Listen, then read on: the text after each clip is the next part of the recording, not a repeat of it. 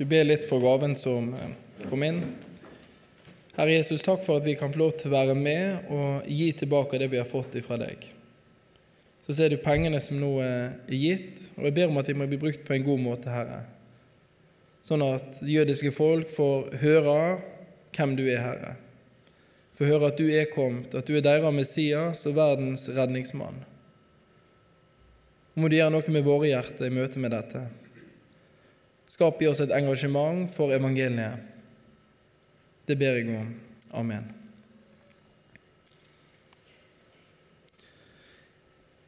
Dagens, eh, vi skal ha en tale over dagens tekster. Og I dag er det Kristi forklarelsesdag. 24. februar, hvis det er riktig dato. og Det er det vel. Og I kirkehistorien så har denne lang tradisjon. Og For min del så syns jeg det er utrolig flott egentlig å tenke at jeg har noen røtter bakover i tid med trua mi. Jeg er født inn i en familie som beveger seg altså bakover i tid, helt tilbake til Abraham. Og Samtidig har denne familien min òg en evighet til framtid. Og der er vi en del av det. Og Siden 400-tallet cirka, så har altså denne dagen her vært en del av kirkas historie. Kristi forklarelsesdag. I Norge så fikk han en fast markering det er ikke så lenge siden, 1977. Og den fungerer i, sånn som de har lagt opp tekstene, som ei bru mellom åpenbaringstida og fastetida. Der det er tekster i åpenbaringstida der Jesus er åpenbart mer og mer for oss hvem han er og fastetida som leder inn mot påske, Jesu død og oppstandelse. Og Denne dagen er med å binde de sammen. Dagens evangelietekst er fra Lukas evangeliet kapittel 9. Og Skal vi lese den først? Pleier du å reise dere da? Nei. Er ikke det greit?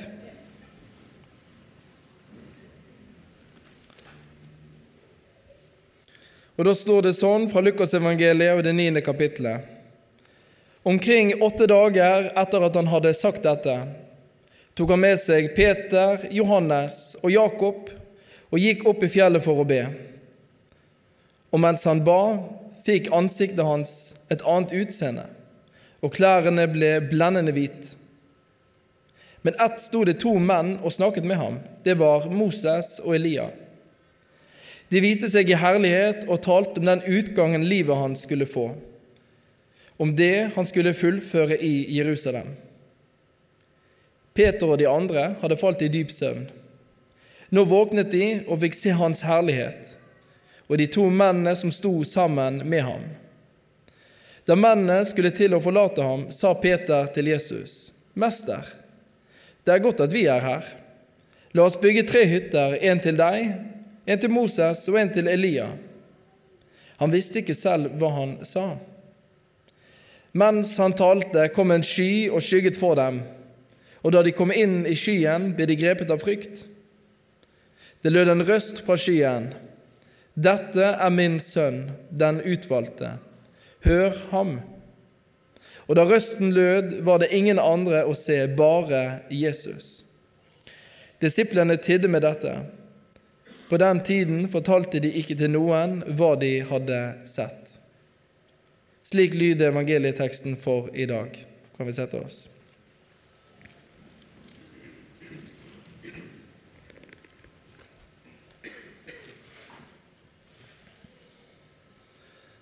For rammer rundt denne teksten så har jeg lyst til å ta utgangspunkt i de to lesetekstene òg. Og på den måten så syns jeg vi setter teksten inn i enhver heilbibelsk ramme, og det gir noen dybde til teksten. Leseteksten fra Det gamle testamentet det er fra 2. Mosebok kapittel 34. Og Da er Moses på Sinai-fjellet, som òg Herren steg ned på. Og Det var røyk, det var ild, og folket var redd. Og Moses går opp. Og De har en lang samtale der i 2. Mosebok.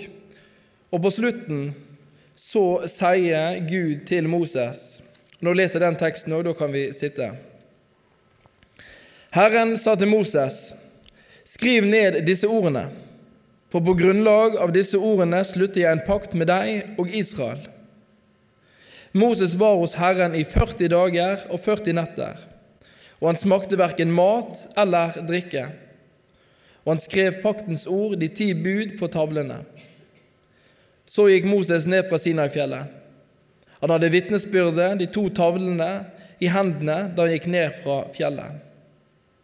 Moses visste ikke at det strålte av ansiktet hans, fordi Herren hadde talt med ham. Aron, og israelittene så at det strålte av ansiktet hans, og de var redde for å komme nær ham. Men Moses ropte på dem, og da kom Aron og alle lederne i menigheten til ham, og han talte til dem. Siden kom alle israelittene til ham, og Moses bar fram alle de budene Herren hadde gitt ham på Sinai-fjellet. Da Moses var ferdig med å tale med dem, la han et slør over ansiktet. Men hver gang han gikk fram for Herrens ansikt for å snakke med ham, tok han sløret bort til han skulle ut igjen. Og når, og når han kom ut, talte han til israelittene det han hadde fått påbud om. Da så israelittene hvordan det strålte av ansiktet hans, og Moses la sløret over ansiktet igjen til han skulle inn og snakke med Herren. Dette er en kjent historie, og det er for så vidt evangelieteksten òg. En jødisk kontekst så er denne historien kjent når Moses er oppe på Sinai-fjellet og taler med Herren, der han får steintavlene og kommer ned, og denne glansen som strålte rundt han fordi han hadde talt med Gud. Han la et slør over ansiktet, og vi skal lese litt seinere mot slutten en tekst fra 2. Korinterbrev der Paulus tar opp igjen denne historien. Men i denne fortellinga så hadde jeg lyst til å ta fram nettopp dette med loven, som Moses her får, og han går ned med. Og så hadde jeg lyst til å si at loven, den er god. Når Gud gir sine retningslinjer og sine påbud, så er det gode lover. Det rette lover. Og det er klart at For israelsfolket, som Guds utvalgte folk, så skulle det være en, en sånn indre dynamikk som var god. Det skulle være godt å leve der. Det skulle være godt å leve i et samfunn og et folk der en ikke slo hverandre i hjel. Det skulle være godt å leve i et folk og en nasjon hvor en holdt hviledagen hellig. Hvor en æra far sin og mor sin, hvor en holdt seg trofast til sin kone. Hvor en ikke begjærte naboen sin kone, sine dyr, sin eiendom. I et samfunn der en ikke løy, der han ikke stjal. Dette er jo godt. Dette er godt. Gud ga de loven, og Moses kom ned fra fjellet med denne, og Herren sier at han slutter en pakt med Israels hus. Denne pakten går jo ut på å holde loven. Og de blir jo innstenka med blod her òg. Moses leser opp hele Guds lov for dem. Og så spør han vil de holde dette. Ja, svarer folket. Og så stenker han blod på folket. De skulle holde loven. Og Samtidig er loven bare midlertidig, og det har han alltid vært. Det er en skygge av det som skulle komme. Men loven er god, og det var gitt dem for at det skulle være godt å leve i Israel. Og Samtidig, på slutten av sitt liv, så sier Moses en annen dimensjon med loven, som jeg òg har lyst til å løfte fram. I 5. Mosebok kapittel 4 så sier Moses 'Hør, Israel'. Og så taler han til folket, og så minner han dem om alle de forskrifter, alle de lover han har lært dem, som han har fått fra Gud når han var på Sinai-fjellet og gikk og talte med Gud. Og så sier Moses til dem at dere skal holde dem og leve etter dem. Og Da kommer vi igjen til dette indre. Det skal være godt å leve der. Det skal være godt å være i Israel, det skal være godt å være i det samfunnet. Men så legger Moses inn at dere skal holde dem og leve etter dem. For da vil de andre Hør på dette. Da vil de andre folkene se deres klokskap og forstand. Når de hører om alle disse forskriftene, vil de si, Så klokt og forstandig det er, dette store folket. Og Dette er òg en dimensjon med denne teksten, fra andre Mosebok og fra loven og fra israelsfolket. De fikk loven av Gud, og så sier Moses til dem at de har fått den. De har fått gode lover fra Gud, gode forskrifter, gode retningslinjer. Og nå skulle de leve av dem, de skulle holde dem, og det skal være et vitnesbyrd for folkeslagene. Jeg har gitt dere loven. Jeg har gitt, jeg har åpenbart meg for dere, sånn at de andre folkene skal bli misunnelige og vende om til meg. Og Dette perspektivet finner vi jo gjennom hele Bibelen. Gud har en universell tanke, en tanke for folkeslagene. Han som er skaperen av himmel og jord.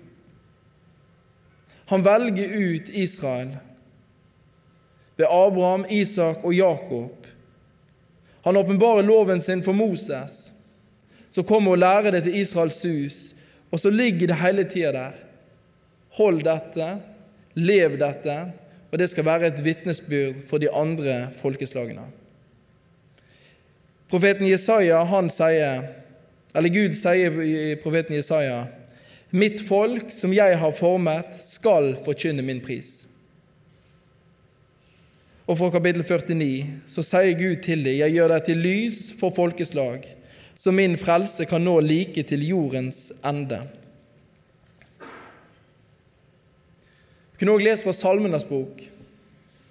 Salme 84 er det en variasjon over den aronittiske velsignelse. Og Der ber de om, altså Israelsfolket ber om at Herren skal velsigne dem, skal la sitt ansikt lyse på dem og være dem nådig for da skal din vei bli kjent for folkeslagene. Din frelse nå ut til jordens ende. Så dette perspektivet ligger der. Et universelt, en tanke for folkeslagene. Og i dette, i fortellinga, så ligger det òg sterke løfter om at loven ikke er det endelige. Det er noe større som skal komme. Profeten Esekiel snakker om en ny pakt, der loven ikke skal være skrevet på steintavler lenger, men på hjertet.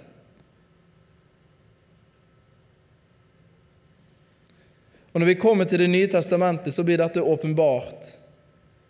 Han som er Israels Messias, han som er hyrden, han som er det sanne lys, som lyser for hvert menneske, han kom nå til verden, skriver Johannes. Han var i verden, og verden er blitt til ved han, men verden kjente han ikke. Det som er den store, store sorgen, er jo at han kom til sine egne. Jesus ble født på heimebane. Ikke den serien på NRK, altså, men han ble født blant sitt eget folk. Paulus skriver jo at Jesus er den klippa som fulgte de i ørkenen. Han er Messias, han er den som har vært der hele tida. Det er han det handler om. Han ble født på heimebane. Og så skriver Johannes, men hans egne tok ikke imot han, og det er sorgen. Og det er en stor hjertesorg som vi leser gjennom hele Nye testamentet. Det er ikke en hovmodig. Det er ikke sagt Hvorfor forstår de ikke dette? Men det er sagt med kjærlighet og sorg. Hans egne tok ikke imot han. Men samtidig så var det jo noen som tok imot han av hans egne. Nå har vi allerede lest noen vers fra Johannes. Han var en av de. Jøde fra Galilea som så hvem Jesus var. Vi har lest om Peter og Jakob òg, og Johannes, som var med opp på fjellet. Og Vi begynte evangelieteksten med å lese åtte dager seinere. Og hva hadde skjedd åtte dager før? Da hadde de vært sammen. Og Jesus hadde spurt disiplene sine hva sier nå folk? Hvem sier de at jeg er? Hva er forståelsen blant mine egne? Og så sier de jo nei, du er enten døperen Johannes, eller du er Elia, eller en av de andre store profetene. Og det er ganske gjeve titler å få. Men likevel er det feil. Det er for lite. Men så vender Jesus spørsmålet mot disiplene og spør greit, men hvem sier det at jeg er? Og da er det Peter bekjenner du er Messias, Guds sønn. Du er Guds Messias. Og det er altså åtte dager etter dette at Jesus tar med seg Peter, Johannes og Jakob opp på et fjell. Og på dette fjellet her får de se enda mer av hvem Jesus er. De får se Jesus storhet. Og de får se det at han er større enn døperen Johannes. Han er større enn profeten Elia, og han er større enn Moses. Dette er virkelig Israels Messias. Dette er Israels Gud som har steget ned og blitt som en av oss. Det er han som står der. Peter, nei, unnskyld, Elia og Moses kommer, og de snakker med Jesus. Og de snakker om hans lidelse. De snakker om det han skulle fullføre i Jerusalem. Og Det er òg den samtalen Jesus har etter Peter har bekjent åtte dager før. Så tar Jesus disiplene med i dette. 'Jeg skal lide, jeg skal dø'. Og så viser han dem sin storhet. Og Moses og Elia kommer, og de samtaler sammen om oppdraget. Frelsesoppdraget, der han skal gå opp til Jerusalem, opp på Golgata og dø. Så faller det en sky på fjellet. Og automatisk så må det gå tanker direkte tilbake til Sinai-fjellet her. Der skya òg daler ned på Sinai-fjellet, og Moses går opp, og det kommer en glans fra ansiktet hans når han taler med Herren. Disiplene blir òg redde her, sånn som israelsfolket ble ved Sinai-fjellet. Og de hører òg Guds røst, sånn som Moses hørte Guds røst på Sinai-fjellet. Men nå sier Gud, 'Dette er min sønn, den utvalgte. Hør ham.' Og når denne røsten lød, så skriver Lukas at det var ingen andre å se, kun Jesus. Så står han der igjen alene. Han som er veien, sannheten og livet. Ingen kan komme til Far uten ved Han. Han er Guds sønn, Israels Messias og verdens redningsmann. Så skal de opp til Jerusalem. Vi går inn mot fastetida i kirkeåret og inn mot påske. Og jeg synes For min del er det blitt en god tanke å tenke når Jesus går opp til Jerusalem, så går Vegard med han. Han kom for å fullføre noe. Han kom for å fullføre noe for alle som hadde levd før, og alle som levde da, og alle som lever etterpå. Og så går vi sammen med han opp til Jerusalem, der han går opp i vårt sted. Og Paulus skriver om dette at vårt gamle menneske ble korsfestet med han, for at den kroppen som er underlagt synden, skulle tilintetgjøres, og vi ikke lenger skulle være slaver under synden. Vårt gamle menneske ble korsfesta sammen med han der. Se, vi går opp til Jerusalem sammen med han, han som fullfører en gang for alle. For det som var umulig for loven, skriver Paulus videre, siden den sto maktesløs fordi vi er av kjøtt og blod, det gjorde Gud. Han som sendte sin egen sønn som syndoffer, i samme slags kjøtt og blod som syndige mennesker har, og holdt dom over synden i oss. Dette er Guds evige frelsesplan. Ja, loven er god. Det er helt klart, det. Budene er gode. Det er gode forskrifter Gud gir. Men samtidig er de maktesløse når det gjelder å frelse et menneske fra synd. Dette viser jo israelsfolket gang på gang. De som lover å holde loven, og så faller de. Rett før Moses kommer ned fra fjellet, så har jo Gud ført de ut av Egypt med landeplager. Han har åpna sjøen for dem, de har gått igjennom. Og Når Moses første gang går opp på fjellet, så lager de en gullkalv. Det har ofte lurt på hvordan går det an. Og det er Aron som lager han. Moses kommer ned, og han knuser jo tavlene og må opp igjen. Men så følger vi historien ut. Dette går ikke. Folket faller fra. Og så kommer løftene om en ny pakt. En evig hensikt fra Guds side. Og der står Jesus som midtpunktet. Det er han det handler om. Og Paulus skriver i begynnelsen av romerbrevet at Gud på forhånd hadde gitt løfte om evangeliet gjennom sine profeter i hellige skrifter. Og Jesus sier at det er jo om han Moses har skrevet. Det er han det handler om. Det er han som er redningen, som er frelseren. Og dette tenker jeg leder oss inn til den tredje leseteksten i dag, fra 2. Korinterbrev, kapittel 3 der Paulus tar opp igjen denne fortellingen med, med Moses og glansen.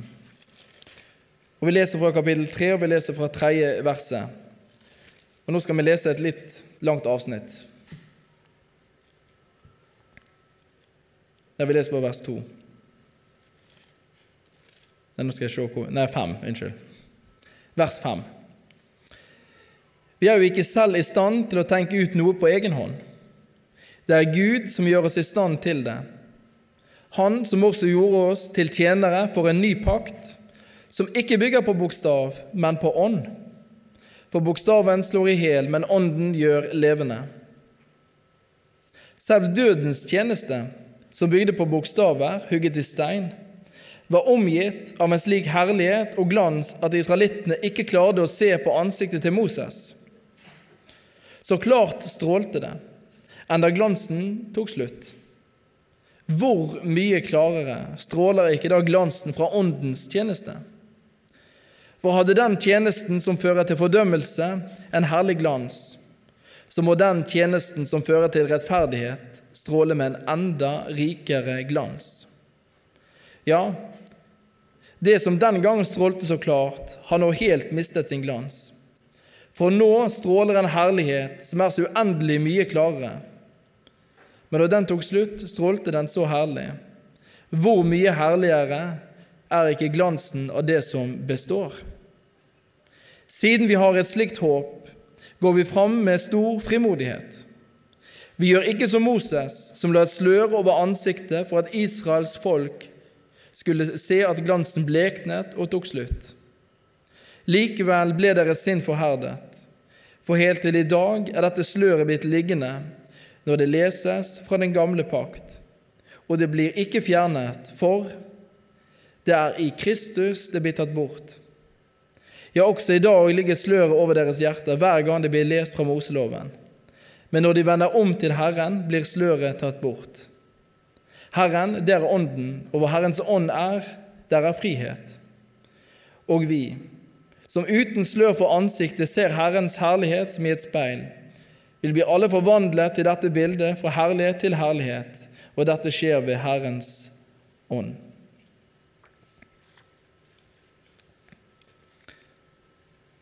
Her tar Paulus opp igjen denne historien fra andre Mosebok. Og poenget hans er Det er litt flere poeng, men et av poengene er Når den glansen Moses fikk, og det fikk han jo helt klart når han snakka med Gud og fikk loven, og den hadde en sånn herlighet og en sånn glans. Hvor masse mer stråler ikke da evangeliet? Tjenesten for evangeliet, det som skal bestå for evig. Når loven, som bare var midlertidig, hadde en sånn herlighet og en sånn glans, hvor masse mer er ikke da evangeliet, det som er Guds kraft til frelse? Budskap om han som sto igjen alene på fjellet når Moses og Elia var vekke. Budskap om han som Gud sjøl sier 'Dette er min sønn, hør han'. Hvor masse mer stråler ikke den herligheten fra den tjenesten Paulus nå er gått inn i? Og Derfor legger ikke Paulus noe slør over ansiktet. Denne glansen tar aldri slutt. Den skal forkynnes. Den skal forkynnes for jøder, og den skal forkynnes for folkeslagene. Han skammer seg ikke over evangeliet. Det er en glans og en herlighet som aldri tar slutt.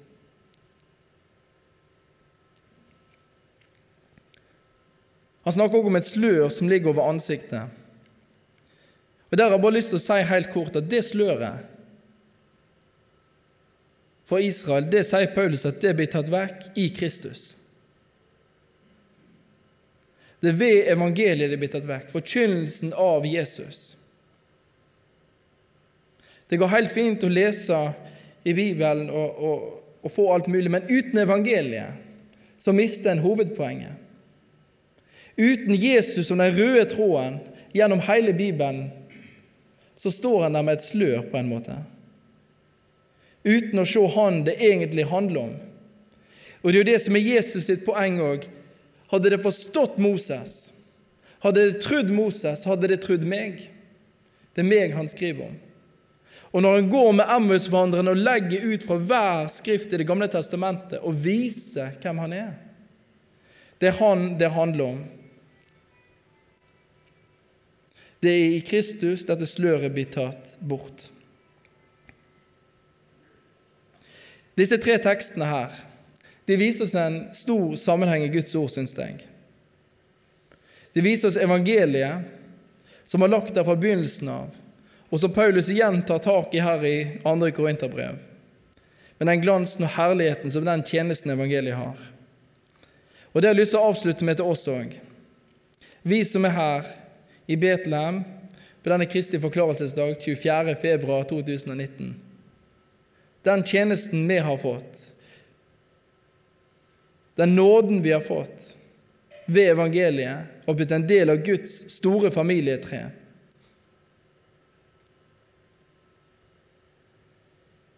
Skal ikke vi brenne for evangeliet? Gå inn i en tjeneste som er så uendelig stor som varer for alltid.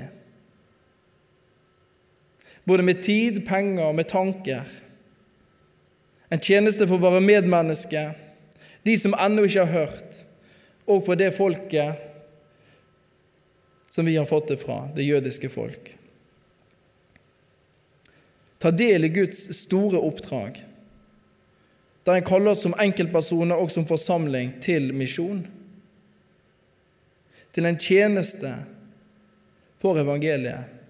Jeg blir engasjert og inspirert når jeg leser det Paulus skriver her. Og jeg ser den brannen som ligger i han, der han vet om Moses veldig godt, som hadde den tjenesten for Gud. Og så skriver han samtidig at i forhold til det jeg har fått, med evangeliet og den tjenesten, så er Moses ingenting. Det er ganske sterkt. Tjenesten for evangeliet er stor. Og for Paulus, som ser på seg sjøl som hedningenes apostel, så var det altså en prioritet for han å gå med evangeliet til det jødiske folk først. For han veit at sløret ikke blir tatt vekk hvis de ikke får hørt evangeliet. Og der står nå vi med et ansvar. Vi som kjenner Jesus, vi som har fått del og blitt poda inn med å gå med evangeliet uten hovmod, i respekt og kjærlighet tilbake igjen til det folket, tilbake igjen til Jesu hjemmebane, og dele de med dem. Og personlig så er jeg ofte forundra og hvor lite denne prioriteten befinner hos Paulus. Det han altså sier er først, ikke nummer to eller nummer tre eller nummer fire, men det Paulus sier er først, hvor lite det preger Kirka i det store og det hele. Hvor lite engasjementet for jødenes frelse og evangeliet tilbake til jødene preger oss. Og Min bønn til Gud er at vi skal igjen oppdage Guds store frelsesplan, både for folkeslagene og for Israel, og ta del i Guds misjonsoppdrag, sånn at evangeliet blir kjent. Det som har en glans som består for evig. Guds store frelsesplan for Israel og for folkeslagene. Jesus alene. Herre Jesus, takk for evangeliet. Takk for den nåden vi har fått, og takk for den tjenesten du kaller oss inn i. Og så ber jeg for våre liv. Må vi få leve i tråd med deg. Med evangeliet få prege oss, bevege oss, engasjere oss, Herre. Jeg ber òg for misjon, Herre. Jeg ber for verdensmisjon, jeg ber for jødemisjon. Må det lykkes, Herre. Må du kalle misjonærer, Herre. Høsten er stor, med arbeiderne få. Så vi ber deg, Herre, om å sende ut arbeidere. Jeg ber òg for Betlehem her og fellesskapet her, Jesus. Må du velsigne dem og gi dem alt det de trenger. Og så takker jeg deg, Jesus, for at vi kan få lov til å se opp og se deg alene. Du er alt vi trenger, Herre. Takk for evangeliet. Takk for nåden vi har fått. I Jesu navn. Amen.